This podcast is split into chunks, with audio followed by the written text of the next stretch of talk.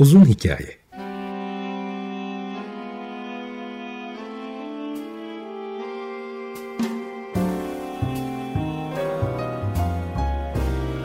Sinir bilim, psikoloji, felsefe ve müzik.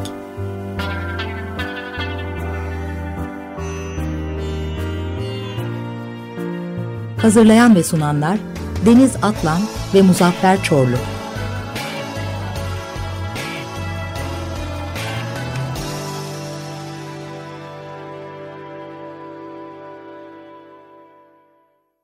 ...95.0 Açık Radyo'dan, Açık Radyo.com.tr ve onun uzun hikayesinden herkese merhabalar. Bugün programda gene dop dolu olacağını düşündüğüm bir konuğum var. Çünkü kendisi hem sanat hem felsefe hem de sanat felsefesi, estetik üzerine çalışırken... ...bütün bu eklektik e, süreçleri e, güzelce filtreliyor ve de filtreliyor derken tabii süzüyor diyelim. Ondan sonra onları da kendi özel e, YouTube kanalına da koyuyor ya da e, çeşitli programlarda anlatıyor. Ben çok yalın anlattığını ve de çok özendirici olduğunu bulduğum için dedim ki Pelin Dilara Çolak'a benim programımda katılır mısın? Biraz laflarız. Öncelikle hoş geldin Pelin. Hoş buldum. Çok teşekkür ederim davet ettiğin için. Biz teşekkür ederiz radyo adına ve kendi adıma. Şimdi şöyle başlayalım. Benim seni davet etmemdeki primer motivasyon şuydu.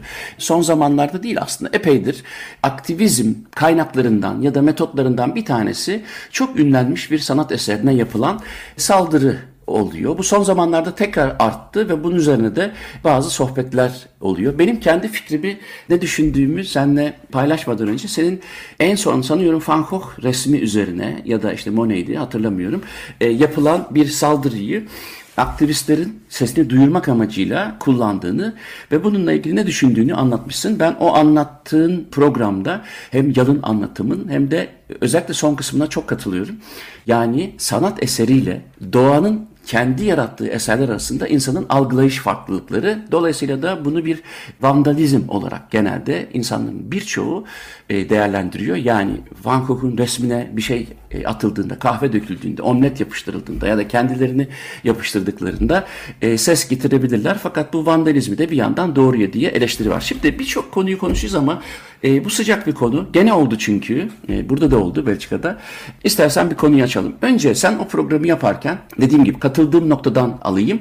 O da aslında sen öyle ifade etmiyorsun ama ben onu öyle aldım. E, sanat eserine karşı e, gösterdiği bir ikiyüzlülükten bahsedilebilir. Doğru mu okudum senin anlattıklarını? E, doğru aslında ben de ikiyüzlülük kavramını kullanmıştım. E, şuradan başlamakta fayda var sanırım. Olaylar ilk başladığında ayçiçekleri resmine e, işte çorba fırlatıldığında e, benim de ilk tepkim bunu çok rasyonelleştirerek altındaki felsefeyi anlamak türünden değildi. Hepimizde e, bir öfke, bir hayret e, ve bir endişe duygusu yaratıldı. Çünkü başlangıçta şunun farkında değildik. Pek çoğumuz en azından çok naif bakıyormuşuz meseleye. Ben mesela e, hatta National Gallery'de o eseri incelediğim halde e, hiç hatırlamıyorum onun korunduğunu, önünde bir plastik tabakanın, saydam bir tabakanın olduğunu e, hatırlamıyorum. Doğal olarak ilk aklıma gelen şey şuydu. Benim çok sevdiğim, e, beni her defasında tonlarıyla büyüleyen e, böylesi bir sanat eserinin mahvedilmesi. E, ve oradaki e, temel motivasyon da şu yani bu kadar öfkelenmemin altındaki temel motivasyon şu yerine konulamayacak bir şey yok edildi. E, benden böylesine bir değer alındı gelecek nesiller bunu deneyimlemekten mahrum bırakıldı. Hani buna ne hakları var diye düşündüm. Ve e, ikinci olarak da e, düşündüğüm şey şuydu. E, başlangıçtaki eğilimlerimden söz ediyorum. Sonrasında fikrim e, yavaş yavaş değişmeye başladı e, sizin de söylediğiniz gibi. Neden bu kadar öfkeleniyorum? E, çünkü e, aktivizmle performans arasında bir farklılık olması gerektiğini düşünüyorum. Yani aktivizmin en temelde değiştirmek istediği e, bir konu var değil mi? Bir mesaj vermeye çalışıyorsunuz. Bir sorunu görünür hale getirmeye çalışıyorsunuz. Hani bir sanatçı performansın parçası olarak bir e, sanat eserini yok edebilir. Banksy kendi eserini imha etmişti hatırlarsınız. O da çok e, büyük bir olay haline gelmişti. Ama bu aktivizm ve biz bu olaydan sonra günlerce kimse fosil yakıtları konuşmadı. Hepimiz sanat eserine çorba fırlatılmasından bahsettik. Sanki mesajını gölgelemiş gibiydi bu eylem ve mantıksız olduğunu düşünüyordum. Ama sonrasında üzerine sürekli şunu düşünmeye e, başladım. E, ya videoyu izleyemiyorum. Böyle bende bir tiksinti duygusu var. Neden her fırlatıldığı an ben bu kadar öfkeleniyorum diye düşünmeye başladıkça e, sanatın e, kendisine o içkin hani sanatı sanat yapan şeyler üzerine düşünmeye başladım. En temelde biricikliği değil mi? Çok değerli, yerine asla konulamaz. Bir başkası onu yapay zeka programları aracılığıyla tamamen üretse bile o olmayacak bir şeyden söz ediyoruz. Çünkü orijinal ve e, reprodüksiyon arasında her daim bir fark var. Ve dedim ki e, böylesine bir yaratım başka nerede var? Yani başka e, hangi alanda biz mesela yaratmak kavramından söz ederiz? Sanattan söz ederiz, sanatın hususiliğinden söz ederiz, bir de doğadan söz ederiz değil mi? Doğada ne yaparsak yapalım yerine aynısını üretemeyeceğimiz, e, ona dokunduğumuzda ona e, kullanmış olduğumuz, yapmış olduğumuz müdahalelerin nasıl sonuçlanacağını bilemediğimiz, kestiremediğimiz, sahip olduğumuz e, belki de tek yerine koyulamaz yaşam için elzem olan şey ve bizler sanat eserlerini müzelerde koruyoruz. Başlarında güvenlik görevlileri görevlileri var. E, ve bir sanat eserinin e, tehlikeye düştüğü an bile bizi dehşete uğratırken nasıl oluyor da yerine asla koyulamayacak e, böylesi bir şeyi yani bizi sars e, bizi sar, e, sarıp sarmalayan doğaya karşı e, bu şekilde duyarsız olabiliyoruz. Çünkü biliyoruz ki e, fosil yakıtın kullanımından tutun da işte bu antroposen kavramının ortaya çıkmasına yol açan e, türlü insan müdahalesi geri döndürülemez bir şekilde zarar veriyor ve biz bunun çok net bir şekilde biliyoruz. Yani e, bu artık kehanet değil değil mi? E, kahinlere ihtiyacımız yok bu konuda. Bilim bize e, geri döndürülemez konuma ulaşmamıza 20 ya da 30 sene kaldığını söylüyor. Tamamen duyarsızız. E, o Greta'nın e, bir sözü vardı o konferansta politikacılara eviniz yanıyormuş gibi davranmanızı istiyorum demişti. Hakikaten evimiz yanıyor ve bu konuda hiçbirimiz bir e, hamle yapmazken bir sanat eseri karşısında böylesine bir dehşet yaşamamız ve biraz şey olacak, amiyane bir tabir olacak ama aktivistleri tokatlamak istememiz arasında bir ikiyüzlülük olduğunu fark ettim. E, bence bu kocaman bir toplumsal deneydi. Yani bizi kendimizle, bizi ikiyüzlülüğümüzle yüzleştirdi. Sanata gösterdiğimiz bu duyarlılığı doğanın kendisine karşı göstermiyor olmamız e, çok enteresandı ve e, böylesi bir farkındalık başka ne şekilde yaratılabilirdi diye düşündüm. E, elbette ben de o sanat eserlerinin bir e, zarara uğraması karşısında farklı tepkiler verebilirdim. Yani burada e, asıl belirleyici olan şey onların korunmakta olduğunu bilinci. Çünkü aktivistler de sürekli şeyi söylediler tamamen zararsız eylemler yapıyoruz. Eserlerin korunduğunun tamamen farkındayız. E, ona bir zarar gelmesini amaçlamıyoruz. E, ki işte Monet'e patates püresi fırlatıldı. Hı. Sonrasında inci küpeli kıza kendisini yapıştıranlar oldu ama hiçbir zarar gelmedi her defasında. O noktada şeyi fark etmeye başladım. Yani bu eylemler aslında bizim için bir çeşit psikolojik deney gibi. Biz onun e, zarara uğrama, e, yok olma e, ihtimali karşısında nasıl bir huzursuzluk yaşıyorsak aslında o huzursuzluğu e, göstermemiz gereken başka çok daha elzem bir konu olduğunu e, bize hatırlatmak, bize göstermekti. Bunu fark ettiğimde biraz meseleye olan bakış açım değişmeye başladı. Şimdi şöyle bir durum var. Ben daha önceden bu tarz aktivist eylemlerle ilgili fikirlerimi önce paylaşayım. Benim en sevdiğim ressamlardan bir tanesi kesinlikle Van Gogh. Yani ben her fırsatta bir de yakın olduğum için neredeyse bizim mahallede yaşadığı için çok gidiyorum, inceliyorum, çok da seviyorum. Fakat sanat eserlerine gösterilen ilginin ben e, samimi bir ilgi olduğunu düşünmüyorum. Kaldı ki sanat eseri diyerek kutsallaştırmanın da doğru olduğunu düşünmüyorum. Alt tarafı bir resim diyebilen birisiyim ya da alt tarafı bir opera diyebilen birisiyim. Bir müzisyen olarak yani küçümsemek adına değil. Çünkü kaç tane kanvas yırttığını biliyorum Fahuk'un. O yırttığı kanvasların, çöpe attığı kanvasların parçası şimdi bulunsa 12 milyon eurodan başlar satışı. E, insanların sanat eserine tekrar söyleyeyim sanat eseri dediğimde bile ben rahatsız oluyorum. Resim. Çünkü sanat nedir ne değildir o kadar beni rahatsız eden konular ki. E, Van yaptığı oradaki o resmi insanların yani bilmiyorum Amsterdam'a gidip de ya da işte Paris'te de resmi var ya da Ensike'de de ya da işte var bir yerlerde e, gidildiğinde e, o kuyruk inandırıcı bir kuyruk değil. Ya da işte ben sıklıkla Paris'e gidiyorum. E, her gittiğimde mutlaka bir müze. Çünkü ben dikkat eksikliğim olduğu için öyle 8 saat müze gezemem. Bir saat bir 5 tane resim seçiyorum. Onları inceliyorum. Mesela Van Gogh'un oradaki resimlerini ya da işte Louvre'daki o meşhur Mona Lisa'nın önündeki kuyruğu gördüğüm zaman e, insanların bu Da Vinci'nin şifresi kitabından sonra oradaki ilginin ne kadar arttığını ben e, birebir gözlemliyorum ve de artık insanların selfie çekmesine izin verilen bir nokta haline geldiği için şimdi herkes o Mona Lisa'ya bakıyor. Hadi Mona Lisa'yı alalım örnek olarak. Herkes oraya baktığı için Reklam verecek bir yer orası. Aktivistlerin küresel ısınma gibi ya da açık radyocular olarak biz e, küresel ısıtma diyoruz. Çünkü biz yaptığımız için hani pasifize etmeyelim hiç suçumuz yokmuş gibi. Ama e, insanların oraya çok bakmasından ötürü mesajını da oraya iliştiri veriyorlar. Dolayısıyla da e, ben bunu o kadar hani kötü bulmuyorum. O eylemi hani herkes pataklamak istiyor biliyorum ama e, ama başka türlü insanlar da oraya bakmıyor. Yani doğada neler olup bitene bakmıyor. Ama senin söylediklerine belki ışık tutabilecek bir şey var. Bu fenomen benim ilgimi çektiği zaman şunu araştırmak istedim. Hani Greta Thunberg diyor ya eviniz yanıyormuş gibi hissedin dedin ya.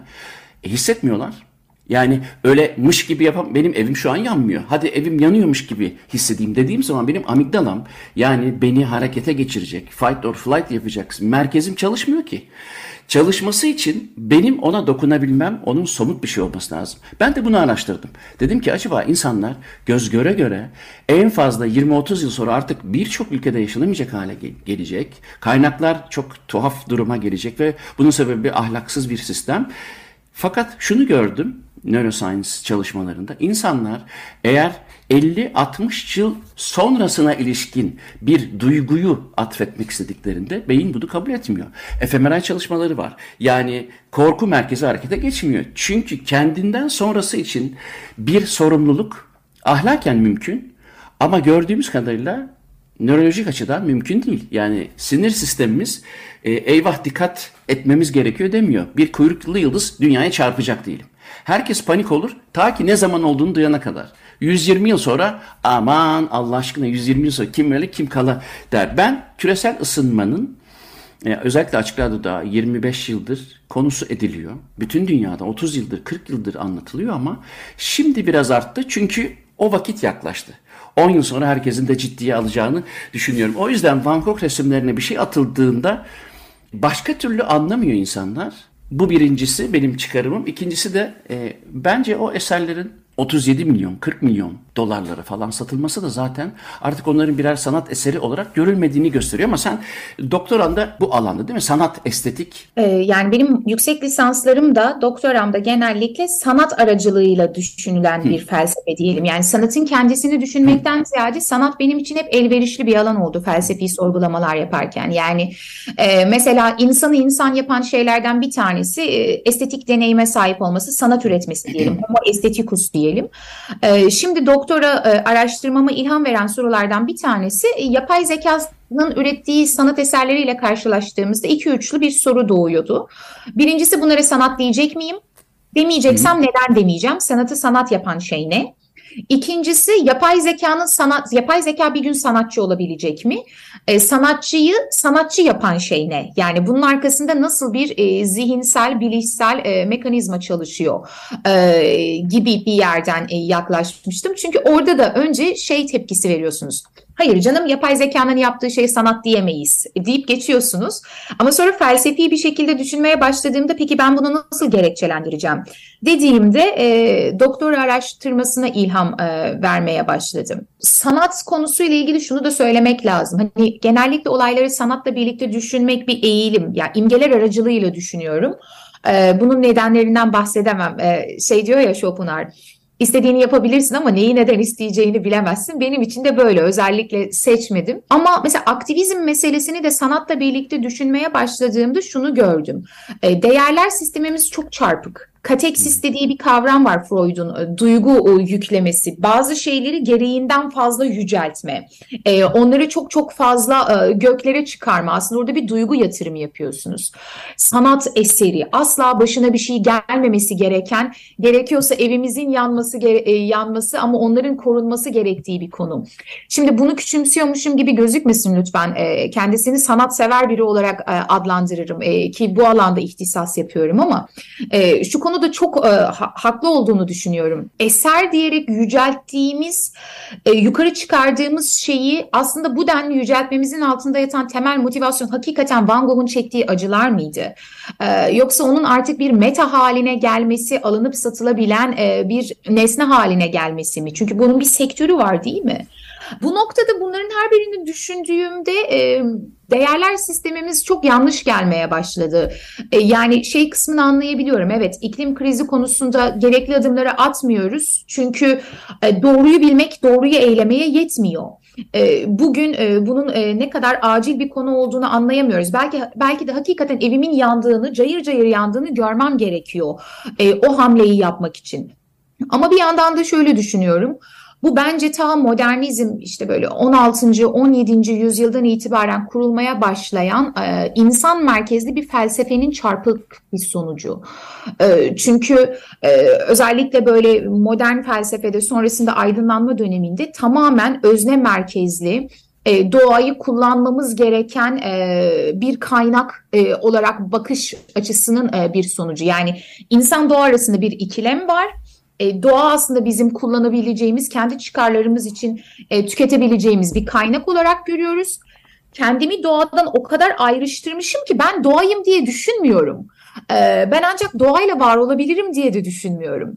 E, bu bakış açısı, bu insan merkezli okuma e, sonrasında insanın ürettiği ve doğaya eklediği şeyleri de e, çok daha önemli bir hale getirme haline e, geliyor. Mesela sanat eseri doğanın kendisinde var olan e, o organik canlılığı, o spontanlığa karşı insanın yapıp etmeleriyle ortaya çıkardığı ve doğaya eklediği sanatı yüceltme hali. Bu ikili bakış açıları, bu ayrıştıran bakış açıları e, özellikle Batı'da 300-400 senedir var olan bir bakış açısı ve ben e, günümüzde yaşanan pek çok krizin e, böylesi bir e, çarpık felsefeden türediğini düşünüyorum. Tam tersini de söyleyebiliriz. Belki de önce pratik vardı ve sonrasında teorisi geldi. Bu tarih felsefesinde tartışılan konulardan biridir. Önce pratik mi vardı, teori mi? Ama bir yerlerde bir hata var. İnsanın e, doğayla ne şekilde ilişkilendiğini, beden aracılığıyla, diğer canlılar aracılığıyla o ilişkilenme modellerini e, gözden geçirmesi gerektiğini ve gerekiyorsa bunu hakikaten sanat aracılığıyla aktivizm yapmak pahasına olması gerektiğini düşünüyorum. Konuşmanın bir yerinde Van Gogh'la ilgili dedin ki hani o acıları çektiği için mi e, sonradan. Şimdi herhalde biliyorsundur ki Van Gogh'un yaşadığı zaman ya resmi satılmadı ya da bir tane bir tane resim satabildiğini sanıyorum. Şimdi insanların ha Van Gogh işte şu kadar genç öldü, e, şu acıları çekti, kulağını kesti, e, absint içiyordu vesaire. Ha çok enteresan. O zaman bu ilginç olmalı diye bakabilir tabii ama öte yandan bir de şimdi belki senin de e, ilgi alanındır. O resimdeki bütün teknik ayrıntıları analiz ettiklerinde bir e, zihnin ne kadar dışarı çıkarıp çıkabileceği yani o out of box düşünebileceğiyle ilgili mesajlar alıyor. Sadece fırça darbeleri değil. Bir o kadar da renk paletindeki hem birbirine yakın frekansların hem de zıt frekansların. Sen şey düşünüyor musun mesela bu kadar büyük değer ekonomik olarak parasal açıdan değer olan bu eserlerin gerçekten direkt o kişinin, resmi yapan kişinin anlatma çabasındaki başarısına mı bağlıyorsun? Ben öyle bağlamıyorum ama e, sen bu işte biraz daha yakınsın. Ya da bu bir pazar mı, bu bir borsa mı, filmler, onlar bunlar, kitaplar mı? Dolayısıyla da hani aslında e, biraz da iş hikaye mi? Ne dersin? E, bu konuda şöyle düşünüyorum. E, önce şunu söyleyeyim. Elbette işte Van Gogh gibi büyük sanatçıların e, ne kadar yetenekli, ne kadar insanlık tarihini değiştiren, kültürel üretimlerini değiştiren bir yanı olduğunu konuşmaya belki de gerek bile yok.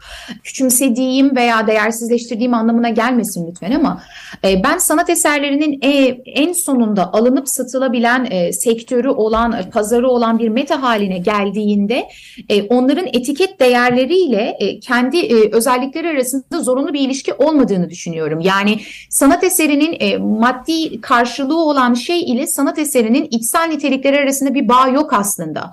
E, biz onların fiyatlarını tamamen e, pazar belirliyor. O pazara bağlı olarak belirliyoruz.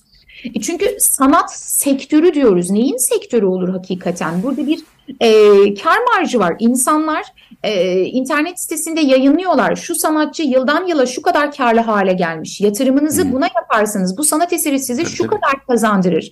Bu gayrimenkul işi gibi bir şey aslında. E, ama bu demek değil ki e, sanat es yani sanat eserleri veya sanatçılar samimi değildi.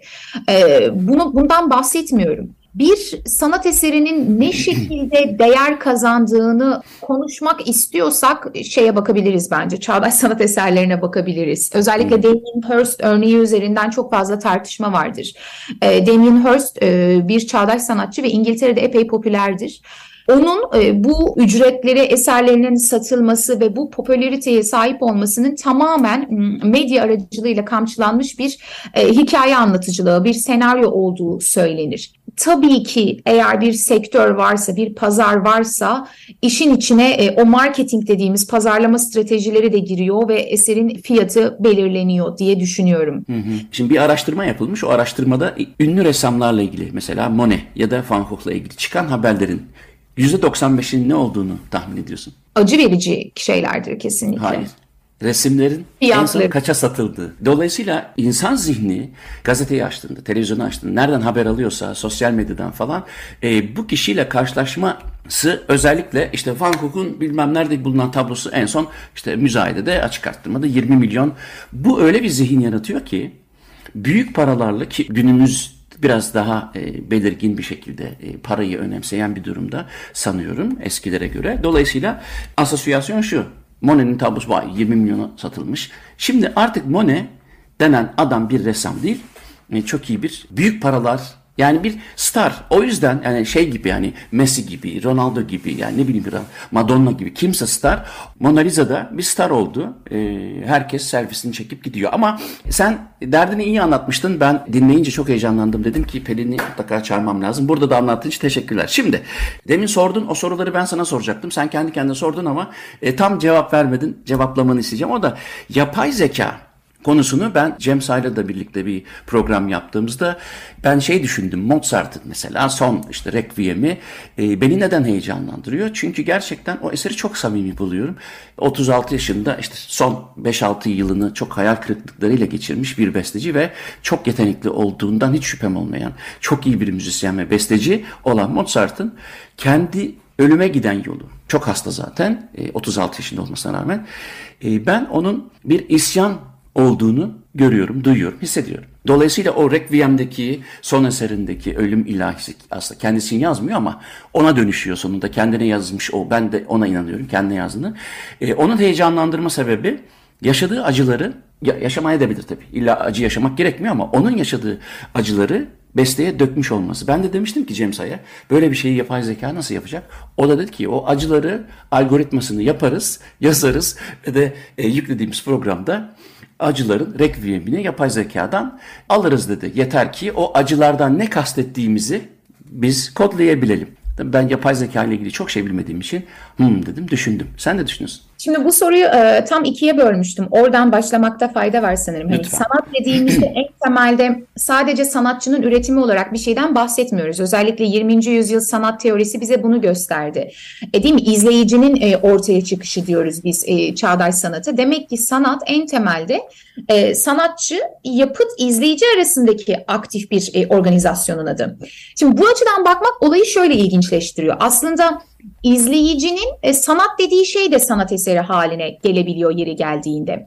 E, diyelim ki e, ki bu oldu. Bach'ın senfonisini e, bir benzerini besteleyen bir yapay zeka programı vardı ve e, birçok Bach üzerine uzmanlığı olan işte e, müzikologlar, e, besteciler falan e, dinlediler ve bunun gerçek olup olmadığını ayırt edemediler. Kimileri duygulandı, kimileri bir şeyler yazdı falan filan. Demek ki estetik deneyimde, alımlamada bir fark olmazsa e, ben onun gerçek bir insan mı yoksa yapay zeka tarafından mı yapıldığını ayırt edemiyorsam ona bir sanat eseri demeye devam edebilirim. Çünkü e, alımlamada ben bir duygulanım e, yaşıyorum. Bu çok enteresan bir konu. Hatta e, Hofstadter var e, ünlü bir kognitifçi. E, o şey demişti yani bu konu benim hayatım boyunca karşılaştığım en enteresan sorulardan bir tanesi olabilir ben onun gerçekten bir insan mı, yapay zeka tarafından mı yapıldığını anlayamadığımda bunun artık bir önemi yok mu? E, bu Turing'in testi vardır ya Alan Turing testi, taklit oyunu. Yani insan gibi davranabiliyorsa artık ben onun bilinçli bir özne tarafından yapılıp yapılmadığını düşünmesem de olur diyor Turing.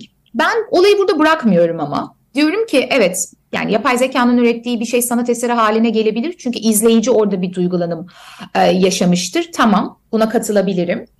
Peki bu süreç bize sanatçı hakkında ne söylüyor? Peki bu süreç bize insan olmak hakkında ne söylüyor diye bakıyorum.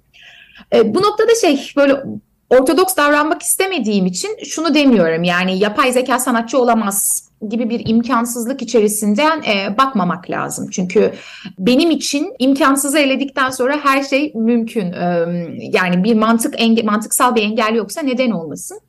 Ama bazı hususi şeyler olduğunu e, düşünüyorum. Bazı nüanslar olduğunu düşünüyorum. Bir insanın sanat eseri üretmesinin altında yatan bazı nedenler var değil mi? Aslında bu nedenler hiç de ulvi veya romantize edilmesi gereken şeyler e, olmayabilir. Sanat en temelde doğal e, varlığımızın evrimsel biyolojik e, doğal süreçlerin e, sonucunda bunun içerisinde ortaya çıkmış bir e, şey. Çünkü biz e, şunu görüyoruz mesela ilkel insanlar bir mızrak yapıyorlar. Onun amacı avlanmak, karşısındaki sığırı bizonu öldürmek istiyor. Ama biz e, o mızrağın üzerinde bazı desenler var. Bakıldığında o desenin varlığı o e, mızrağın araçsallığıyla doğrudan ilişkili değil. Yani onu daha iyi bir mızrak yapacak mı mesela teknik olarak? Hayır ama orada o desenlerin varlığı o kişinin, o insanın, o ilkel bakışın e, bize dünyayla nasıl ilişkilendiğini gösteriyor. Demek ki o desen, o estetikleştirme eğilimi aynı zamanda bizim için bir anlam dünyasını açığa çıkartıyor. Buradan şunu kastediyorum. E, Martin Heidegger'in dünya kavramını kullanması, e, kullanış tarzı beni çok etkilemişti. O şey der mesela, bir dünya içinde olmak e, sadece uzay zamanda bir gezegen içerisinde olmak, fiziksel olarak bizi saran bir doğanın içerisinde olmak demek değil. Bir dünyaya sahip olmak demek aynı zamanda bütün nesnelerle, şeylerle, insanlarla bir anlamsal ilişki kurmak demek o mızrak sadece bir mızrak değil. O sembolle birlikte o artık kutsanmış, uğurlu, şans getirecek bir mızrak. Bunu şöyle de düşünebiliriz. Mesela pisuar diyelim çok uç bir örnek olsun ki 60 bin sene boyunca hala kendini gösteren bir düşünce olduğunu kanıtlamış olayım.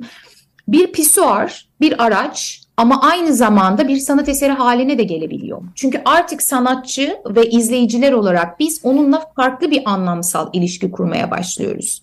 Demek ki bağlamına, yerine, e, onunla kurduğumuz ilişkilenme biçimine göre sıradan herhangi bir nesne sıradanlığından sıyrılıp bir sanat eseri haline gelebiliyor.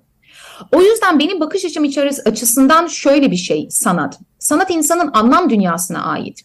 Sanat sadece fiziksel bir nesne üretmek anlamına gelmiyor. Van Gogh'un e, herhangi bir resmini birebir kopyasını üretmek e, değil. Aynı zamanda onun içerisinde bulunduğu, yaşadığı o anlamsal e, ilişkileri, o tarihe dair bir şeyler e, söylemeli. E, bu noktada şunu düşünüyorum bir yapay zekayı sanatçı haline e, getiren ya da gelmesi için gerekli olan şeyler e, konusunda sıralama yapmaya başlıyorum. Diyorum ki bir dünyasallık ve bununla şunu kastetmiyorum. Yani uzay zamanda koordinatlar bağlamından belirlenebilirlikten söz etmiyorum. Bir kültür dünyasına sahip olmaktan söz ediyorum. Çünkü sanat zorunlu olarak anlamla ilgili bir şey. Eğer öyle olmasaydı bir pisuar yeri geldiğinde sanat eseri haline gelemezdi ya da kül tablasındaki sigara izmaritleri yeri geldiğinde bir çağdaş sanat eserine dönüşemezdi. Her sanat eserinin o veya bu şekilde en az bir anlamı var. E, o halde anlam nasıl ortaya çıkar? Anlam bir ilişkidir. Anlam e, olması için sizin e, o özne ve o nesne arasında belirli tarzda bir ilişkilenme modeli olması gerekir. Bu yüzden e, bu anlamın, bu ilişkinin kurabi, kurulabileceği bir dünyasallığa ihtiyacımız var. E, yapay zekanın kendi kültür dünyasına ait sahip olması gerektiğini düşünüyorum. Peki bu imkansız mı? Hayır değil. Onların kendi aralarında bambaşka bir kültür dünyası olabilir ve biz bunu hiçbir şekilde anlamayabiliriz.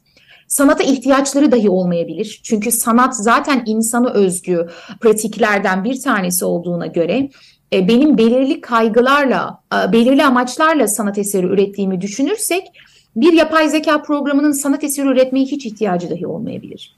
Ya da ürettiği şeyi biz hiç anlamayabiliriz. Bu ilk kısmı. Çok uzatmak istemiyorum ama bir kısım daha var benim için beden meselesi. Bunun e, çok az dikkat çekildiğini yani çok az e, konuşulduğunu düşünüyorum. Biz insanlar bilinçli canlılar olduğumuzu söylüyoruz. Evet bilinçlilik üzerinden, e, bilinçli olduğumuzun farkındalığı üzerinden, öz bilince sahip olmak üzerinden kendimizi tanımlıyoruz ama Bu Descartes sonrası kartezyen gelenek genelde şey yapar. Hani akıl dediğimiz bir şey var, e, beden dediğimiz bir şey var. Sanki bunların ikisi farklı şeyler. E, bedenli varoluşumuzu, e, dünya ile beden aracılığıyla ilişkilenme modelimizi sanki yüzyıllarca görmezden geldik. Ve sanat söz konusu olduğunda bu bence çok açık bir şekilde tekrar görünür hale geliyor. Çünkü şunu düşünün, 360 ee, derece her tarafında gözler olan bir top biçiminde olsaydım benim ürettiğim sanat eseri nasıl olurdu? Bu şekilde olmazdı. Birbirinden e, çok farklı e, halde olurdu. Bu da beni şuraya getiriyor. Yani dünyasallığımız, bir kültür dünyasına sahip olmamız, bedenli varlığımız, belirli e, niyetlerle, belirli amaçlar, belirli kaygılarla sanat eseri üretiyor olmamız gibi şeyler sanatı çok insana has bir pratik haline getiriyor. Ama bu demek değil ki simüle edilemez. Ama hı hı. ikinci bir ama bu noktada şunu söyleyebilecek miyiz? Simüle edilmesi onun hakikaten o olduğu anlamına gelecek mi? Yani nitelikleri bağlamında bir özdeşlik sağlayacak mı diye de düşünmek gerek diye düşünüyorum. Çok fazla şeyi böyle karışık bir şekilde söylemiş oldum ama umarım e, takip edilebilir. Yo yo e, aslında bence burada güzel olan şey şuydu. Şimdi benim doktora alanım Embodied Music Cognition'dı. Yani bedenselleşmiş müzik bilişselliği diyelim uydurup bir çeviri ama bilmiyorum. Fakat senin anlattığın şeyler evet kartezyen dönem sonrası dediğinden de 200-300 yıl geçmesi gerekti ki 1950'lerden sonra özellikle sinir bilimde yahu bu cognition denen şey embodied galiba. Yani bedenselleşmiş. Dolayısıyla senin finalde getirdiğin yerde evet ben şöyle bir canlı olsaydım. Fizik açıdan kafamda üç göz olsaydı benim üreteceğim şeyler nasıl olurdu sorusu aslında embodied kokmuştu ama bir o kadar da bedensel evrimleşmenin de e, yolu o bedeni nasıl kullandığıyla ilgili. Dolayısıyla aslında e, günümüzde beynin kafatasının içinde olan bir şey olmadığı aslında biz tamamen bir beyin olduğumuz şuraya kadar sinir uçlarına sahip olduğumuza göre benim şimdi e, şu kalemi tutarken ki hislerim benim nasıl davranacağıma bile yol açtığına göre aslında benim interaksiyonum zihinle saf bir kognitif durum olmayıp zaten embodied. Dolayısıyla senin anlattıkların da zaten buraya çıkmış oldu. İstersen bir müzik arası verelim. Ben Thelonious Monk'u seçtim. Don't Blame Me. Sonra devam ederiz. Thelonious Monk, Don't Blame Me dinledik. Pelin Dilara Çolak. Şimdi Güzel, muhabbet çok güzel. Ee, dediğim gibi benim sana YouTube'da rastladıktan sonra aa dur şunu konuşalım demiştim ama epey güzel bir takipçin var. Neden epey güzel diyorum? 3 kişi de olabilir, 3 milyon da olabilir. Sayıdan ötürü değil. Ee, seçtiğin konular itibariyle ki bunlar sanatın, estetiğin, felsefenin konuları, psikanalizin konularını bile ele alıyorsun. Kendi perspektifinden geçirip daha büyük kitlelere ulaştırıyorsun ve de bunu titizlikle yaptığını en azından benim seyrettiğim videolarda gördüm. O yüzden öncelikle tebrik ederim. Başarıların devamını dilerim. Mutlaka devam et. Çünkü sosyal medyanın en güzel taraflarından bir tanesi bana göre. Ee, orada oraya yansıtmaları. Dolayısıyla biraz YouTube e, muhabbeti yapalım. Amacın neydi? Ve bu amaçlara ulaştın mı? Ee, öncelikle teşekkür ederim. Bu güzel sözleri duymak çok hoş. Ee, benim amacım neydi? Ya tek bir amacım yoktu ama birbirine benzer yakın şeylerdi. 2018 civarında YouTube'da bilgi kanalları denen bir şey olduğunu öğrendim. Yani o noktada e, benim için şeydi YouTube. Müzik dinlenilen, film izlenilen bir platform olduğunu zannediyordum insanların e, içerik üretip e, kanalları halinde yayınlayabildiğini gördüğümde e, çok şaşırdım ve ben de daha böyle felsefe master öğrencisiyim. E, ikinci master'ım... Kaç yıl oldu bu arada programın? 2018 e, Ekim'di. Tam 4 sene oldu bu aralar.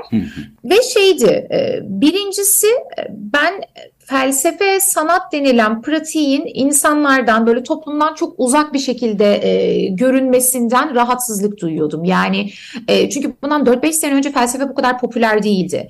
E, bu yayınlar e, her tarafta podcastler, programlar yoktu. Bu kısım beni biraz üzüyordu. Çünkü böyle fil dışı kulenin içerisinde sadece akademinin duvarları içerisinde konuşulan bir konuymuş gibi geliyordu insanlara. Hatta benim arkadaş çevrem bile neler yaptığımızdan çok haberdar değildi. Böyle tozlu kitaplar vardır ya hakikat üzerine konuşuyormuşuz gibi bir yanı. İnsanlar kendisinden çok kopuk bir şey olduğunu zannediyordu. Bir bu algıyı değiştirmek istedim.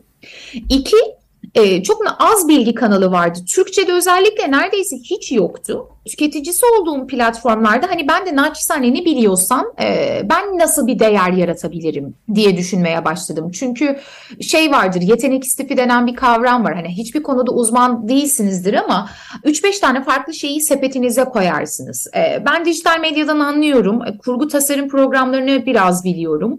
E, konuşmayı seviyorum. E, felsefeye dair de bildiğim şeyler var. Hani bunlarla e, toplum için bir değer yaratabilir miyim acaba diye düşündüm. Türkçe'de olması konusundaki e, ısrarcılığım bu yüzdendi. Ve e, bilgi içeriği üreten üreticilerin hepsi erkekti. Yani e, o da benim açımdan e, ana motivasyon kaynaklarımdan bir tanesiydi. Hani genç bir kadın olarak, genç bir felsefeci olarak bu alanda konuş, konuşmak, bir şeyleri görünür hale e, getirmek istemiştim.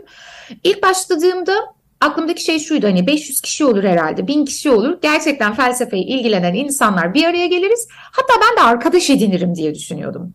Çünkü e, akademik içinde arkadaş edinmek çok çok zor ve ben orada çift master yapıyorum aynı anda Türkiye'de o zamanlar yasak değildi. Sabahları İstanbul Üniversitesi'nde sanat tarihi okuyorum. Öğleden sonra Mimar Sinan'da felsefe okuyorum. Hiç yani sosyal hayatım sıfır. Ve birçok insan da bana şey demiştim. Türkiye'de YouTube'da felsefe kanalı Dilara boşuna mı emek harcıyorsun acaba? Çünkü ben bir kurguyu 10 günde yapıyorum. Hani böyle saniye saniye sayıyorum falan. Ee, çok enteresan bir şey oldu. Üçüncü videodan sonra böyle 5000 kişi falan izlemeye başladı ve o üçüncü videoda Banksy'nin kendi kendisini imha eden resmine ilişkindi. Ee, yine sanatla başlayan bir yolculuk aslında. Ee, sonrasında bir çığ gibi büyüdü. Çünkü İnsanlar böylesine bir şeye e, ihtiyaç duyuyorlarmış aslında. Şey vardır ya tarihte de işte veba sonrası insanların felsefeyle ilgilenmeye başlaması. Hani e, belirli toplumsal krizler yaşadığınızda e, aslında sizin değer yargılarınızı, inandığınız doğru olduğunuz şeyleri sorgulamanız için e, önemli e, kırılma anları olabilir bunlar. E, pandemi böyle bir dönemdi mesela. Pandemide kanalın etkileşim oranı e, muazzam derecede arttı. Ki yanılmıyorsam Albert Camus'un e, Vebası pandemide en çok satan kitaplar arasına girmişti. E, evet. E, özellikle Fransa'da, Almanya'da. Ben böyle bir şey yapmak zaten istiyordum. Karşılık da almaya başlayınca çok enteresan bir yere evrildi. Ben ve özel veba programı yaptım. Özellikle o 1347'de Messina'dan başlayan Avrupa'yı etkileyen vebanın müzik formlarından işçi haklarına, Katolik kilisesinden e, edebiyata kadar ne kadar insanları derinden etkilediğini ki bak 1347'den bahsediyoruz. Yani elimizdeki kaynaklar ne kadar kısıtlı olmalı günümüze göre karşılaştırırsan. Fakat dediğin çok doğru. Orada beni şaşırtan şu oldu. En azından pandemiyle birlikte ilgi çeken alanlardan birinin de senin gibi bilgi içeriği taşıyan kanalların e, olması ama seninki epey bir e, dikkat çekiyor. Onun e, pozitif sonuçlanması çok sevindirici. Yani en azından akademi duvarlarının dışına çıkması insanların ben mesela Türkiye'de hani Lacan diye bir psikanalistin popüler olabileceğini düşünmezdim. Ya da Biraz önce Bach'ın e, bir eserinin e, simüle edildiğini, o çalışmayı biliyorum. Mesela çeşitli kantatları nasıl Bach yapmış gibi algoritmalar yapılıyor. Fakat bunların e, daha geniş kitlelere yayılmasıyla birlikte ben aslında o en başta programı başlattığımız zamanda konuştuğumuz küresel ısıtmanın aslında bu şekilde alt edilebileceğini düşünüyorum. Çünkü ahlak felsefesi olmaksızın 120 yıl sonraki tehlikenin farkına varmıyor beyin. Dolayısıyla da e, hani o Kızılderili sözü sanırım hani torunlarımızdan ödünç aldığımız bu dünyanın bu şekilde bu perspektifte bakılmasına imkan olmadığını düşünüyorum. Bunun yeter koşulu mu bilmiyorum ama olmazsa olmazının bilmek e, olduğunu düşünüyorum ve bu konuda da işte e, insanların ilgi duyması çok hoş. Ben de beklemezdim mesela hani hakikaten Kierkegaard konuşacaksın ve ne bileyim 100 bin kişi e, dinleyecek, iletişim olacak. Çok güzel yani e, devam ettirmeyi düşünüyor musun? Ettirmeyi düşünüyorum. E, aslında Hı-hı. şu an bir akademik kariyer yani akademide kalmaya devam et, etmek istiyorum. Doktora yapıyorum zaten. Amacım e, sadece biz buna kamusal popüler felsefe diyoruz. Hı-hı. Bu alanda e, içerik üretmek değildi ama bir yandan da şey diye düşünmeye başladım. Özellikle bu sene bu bu bakış açısı oluşmaya başladı bende. Amacım e, hakikaten böyle e, klasik anlamda akademik çalışmalar yapmak mı? Yani atıyorum Husserl'in e, bir kitabının e, bir bölümü üzerine derinleşmek, durduğum yerden derinleşmek ve onun üzerine e, makaleler yazmak mı? Yoksa olabildiğince e, geniş kitlelere ulaşarak aslında hayatlarımız için anlamlı bir bağlam yaratmaya çalışmak mı? E, bunu düşünmeye başladığımda mesele biraz benim için farklı yerlere gitmeye başladı. Çünkü ben felsefeden ne anlıyorum diye sorgulamaya başladım. Felsefe benim için sadece e, felsefenin tarihine indirgendiği, böylesi işte filozofların ne dediği üzerine e, tonlarla makale yazmak anlamına gelmiyor. Bunu küçümsemiyorum ama benim için felsefe aynı zamanda e, elimdeki bu yaşamı nasıl yaşamak e, istediğime dair bir e, yanıt girişimi ve daha pratik bir şey olması gerektiğini düşünüyorum.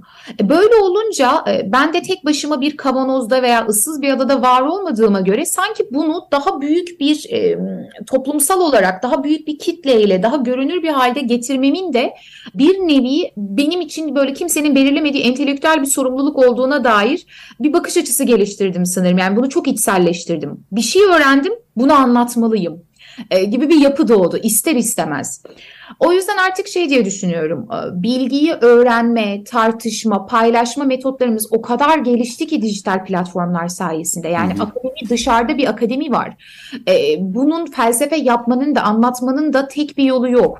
Belki doktoradan sonra böyle tam zamanlı bir akademik kadro aramak yerine şu an yapmak istediğim başka şeyler var. Mesela ıı, daha belgesel vari tarzda ıı, farklı kültürlerin ölümü ve yaşamı nasıl kavradığına dair bir belgesel serisi çekmek istiyorum. İşte Peru'ya, Meksika'ya, Kuzey Afrika'ya, Hindistan'a giderek. Daha sanki popüler felsefe alanında, kamusal felsefe alanında e, bir şeyler yapmaya devam edeceğim. Ha, YouTube olmaz, belki Netflix olur bilmiyorum ama bu o, tatmin ediyor beni şu an. Tatmin edici bir hissiyatı var. Tabii ileride ne olur bilemem. Hı hı. Tabii hani senle daha önceden konuştuğumuzda felsefeci sadece işte satır aralarını okuyan ya da işte felsefeyi oraya indirgememek gibi bir şeyin olduğunu söylemiştin zaten. O da bununla örtüşüyor. Ee, umarım o belgeselleri çekersin. Ee, çünkü belli ki bu konuda ilgi var. Çünkü ilginin olması işin en azından finans kısmında gerekiyor en kötü ihtimalle ama bir o kadar da motivasyon için gerekli. Ee, onları sağlıyor olmak değil mi? Yani umutlusun. Şöyle e, YouTube'da mesela ilk işe başladığınızda bunu yapmaya başladığınızda böyle bir sene falan hiçbir şekilde ekonomik bir gelir elde edemiyorsunuz. Ve e, ben YouTube kanalı açtığımda o zaman yaptığım tam zamanlı işten istifa edip ailemin yanına taşınmıştım 26 yaşında. Çünkü param yoktu. E, şimdi e, elbette hani bu bir iş modeline dönüştü. Sonuçta içerik üretiyorsunuz bunun bir karşılığı var. Kendi kendisini çeviren bir sistem. E, belgesel kısmında ise şöyle bir şey olacak. E, ben ilk biletimi e, aldım yani ben kendim başlayacağım. Nepal ve Hindistan'a e, gideceğim bir ay içerisinde.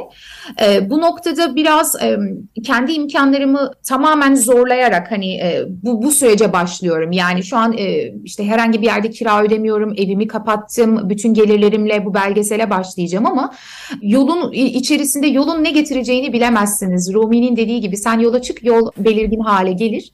E, bu noktada etkileşim alması, işte bazı işbirlikleri yapılması, atıyorum bir e, benimle benim alanımla ilişkili bir e, değer yaratan bir firmanın e, bazı bölümlere sponsor olması gibi şeyler e, tabii ki çok kolaylaştırıcı oluyor. Aksi takdirde şey oluyor, bilgisayarınızı satıp e, kamera alıyorsunuz. Yapmadığımız iş değil ama e, bundan sonra farklı yerlere evrilebilir. Yani umutluyum. Bence e, bu belgesel serisi bir şekilde hayata geçer. Şimdi Açık Radyo'da bizi dinleyen e, kişiler arasında varsa eğer e, aslında hakikaten hem e, destek olmak adına ama e, bu içerikleri üretmek sadece işte bir sürü birikim gerektirmiyor. Birikim zaten cepte olması gerekiyor ama bir o kadar da adanmışlık e, gerekiyor. İşte hani kendi cebinden Nepal'e e, gidip işte artık teknik imkanların ne kadarsa o şekilde çekim yaptıktan sonra ne bileyim artık sponsor mu olur ya da işte destekçi mi olur onlara ihtiyaç duyacaksın ama YouTube'dan en azından kendi kendine döndürür dediğin için soruyorum. Oradaki gelirlerle bu iş yapılacak gibi değildir diye düşün tahmin ediyorum. Yok YouTube sadece YouTube özelinde elde edilen gelirle sizin ekip arkadaşlarınız varsa mesela işte kurguyu yapan biri vardır, optimizasyon için vardır falan hani YouTube gelirleri insanların sandığı gibi bir şey değil. E, bunun için sizin 1-2 milyon izleniyor olmanız gerekiyor. Hani eğlence makyaj kanallarında evet olabilir ama e, öyle 20 bin, 30 bin, 50 bin izlenmelerle YouTube sizin ana gelir kaynağınız ve hayatınızı idame ettirebileceğiniz bir yerde değil. Ama benim de zaten mesela podcast'im var. O yeni başladı. Ee, onun dışında İşte mail bültenlerim var. E, her hafta düzenlediğim e, online canlı eğitimler, workshop veya atölye dediğimiz şeyler var. Mesela sanatı felsefeyle anlamak diye bir seri tasarlamıştım. Hı hı. Her hafta ben bir saatlik bir PowerPoint sunumu yapıyorum ve üzerine tartışıyoruz. Hani bunlar e, insanların bilet alıp katıldıkları e, ücretli workshop tarzı e, eğitimlerdi. O eğitimlerde bile mesela üniversite öğrencilerinin tamamını ben ücretsiz ağırlamıştım. Yetişkinlerden alıp öğrenciye vermek dediğimiz bir sistem kurmuştuk. Böyle böyle yan e, işler yapıyorum. Yani en temelde bilgi işçiliği. E, hala işçiyim. E, hem kendimi işçisi hem patronuyum belki böyle demek daha doğru olur bir esnaf gibi.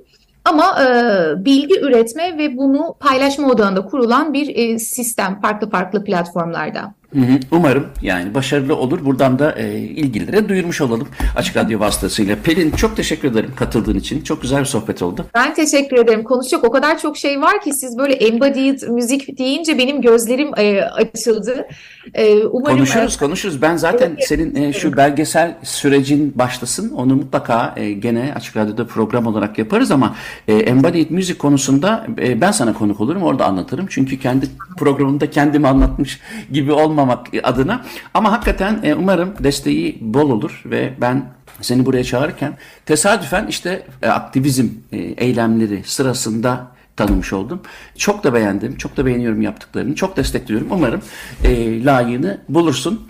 Ve de e, kısa bir zaman içinde bu belgesel için özellikle tekrar çağırmak isterim seni. E, çok naziksiniz. Teşekkür ederim. Çok mutlu oldum. Bence de çok keyifli geçti. E, belgesel süresi boyunca artık nerede olduğumu bilemediğimiz sürpriz bir lokasyonda umarım başka bir yayın yaparız. Tamamdır. E, bugünkü konuğum Pelin Dilara Çolak'tı. Kendisiyle epey e, yapay zekadan sanata, sanat felsefesinden evrimsel biyolojiye ve de aktivist eylemlerin e, içeriğine diyelim e, baktık, sohbet ettik. Bugünkü programı Açık Radyo Spotify'a koyuyor biliyorsunuz. Ben de kendi YouTube kanalıma görüntülü olarak koyuyorum. Bana ulaşmak için Muzaffer Coğlu Gmail adresine ya da denizatlam at gmail adresine yazabilirsiniz. Haftaya görüşürüz. Hepinize günaydın.